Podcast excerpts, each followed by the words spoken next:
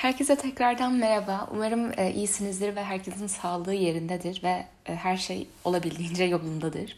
Uzun bir süredir yaklaşık 20 gündür falan buralarda yoktum. E, ve, ve yeni bir bölüm kaydetmedim. Aslında sürekli böyle aklımın bir ucunda bunu aslında devam etmek istiyorum ben. Her zaman e, farklı şekilde farklı konular üzerine değinerek böyle farklı şeyler yapmak istiyorum. Kafamda bir düşünce vardı. E, ama yeni bir konu böyle üzerine konuşulunca gerçekten az da olsa bir fark yaratacak bir konu e, yoktu ya da benim aklımın ucuna gelmemişti.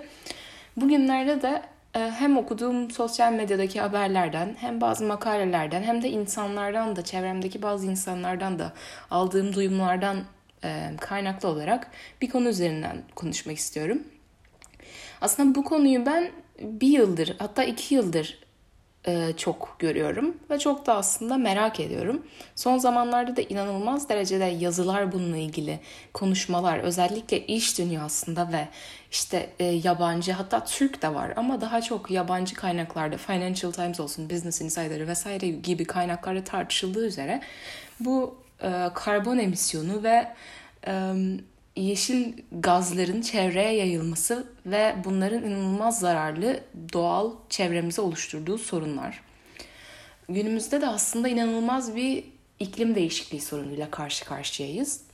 Ve bir sonraki günde ne olacağını bilmiyoruz. Bu dünyanın neresinde olursak aslında biraz öyle. Ee, eskiden yaşadığımız bu dört mevsimlik havalar çoğu ülke ve şehir için artık dört mevsim değil. Belki üç mevsim, belki iki mevsim. Bunun çok fazla kaynağı var.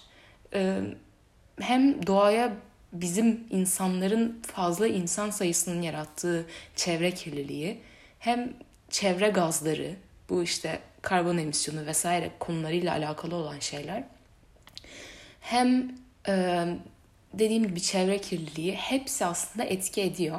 Ama özellikle şirket bazında ve işletmeler bazında düşünecek olursak sürekli bir 2030 yılına atıfta bulunuluyor ve 2030 yılına kadar çoğu global ve hemen hemen hepimizin bildiği bu üst kademedeki bu monopol şirketlerin artık tekerleşmiş şirketlerin hemen hemen hepsi 2030 yılına kadar inanılmaz şeyler adımlar atıp inanılmaz başarılar elde edip e, çevreye verdikleri zararın hemen hemen hepsini yok edeceklerini iddia ediyorlar.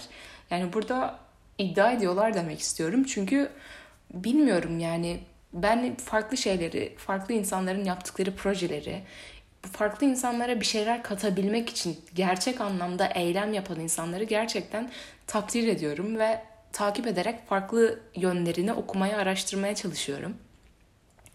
Bu şirketler de özellikle global ve dünyanın her yerindeki her bir insanı etkileyen ürünler sunan bu şirketler, ürün her ne olursa olsun, paketlenmiş hızlı tüketim malları olabilir, benzin şirketi olabilir, kıyafet, her gün üstümüze giydiğimiz kıyafetleri yaratan binlerce e, marka olabilir. Önemli olan bunların hemen hemen hepsinin bu vaadi bize vermesi şu an ya da vermeye çalışması.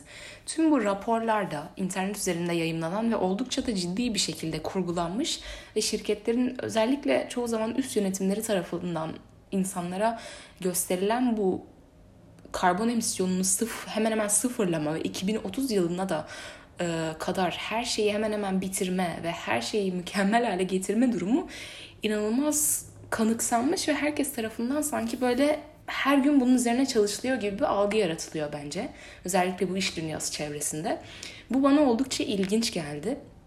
Çünkü yani gerçekten çok mantıklı hareketler yapan, gerçekten insanların günlük ihtiyaçlarına, işte bu pandemi döneminde insanların neler talep ettiğine, nelere ihtiyacı olduğuna cevap veren ve geçmişte de insanların nerede yaşadığını, nasıl yaşadığına vesaire göre hizmet eden işte İngilizce'de purposeful denilen bir amaç uğruna çalışan çok fazla şirket olduğunu eminim. Ben de biliyorum ama birçoğu da bana aslında sadece şirketi kar ettirmek dışında çok da fazla bir şey yapıyorlar gibi gelmiyor açıkçası.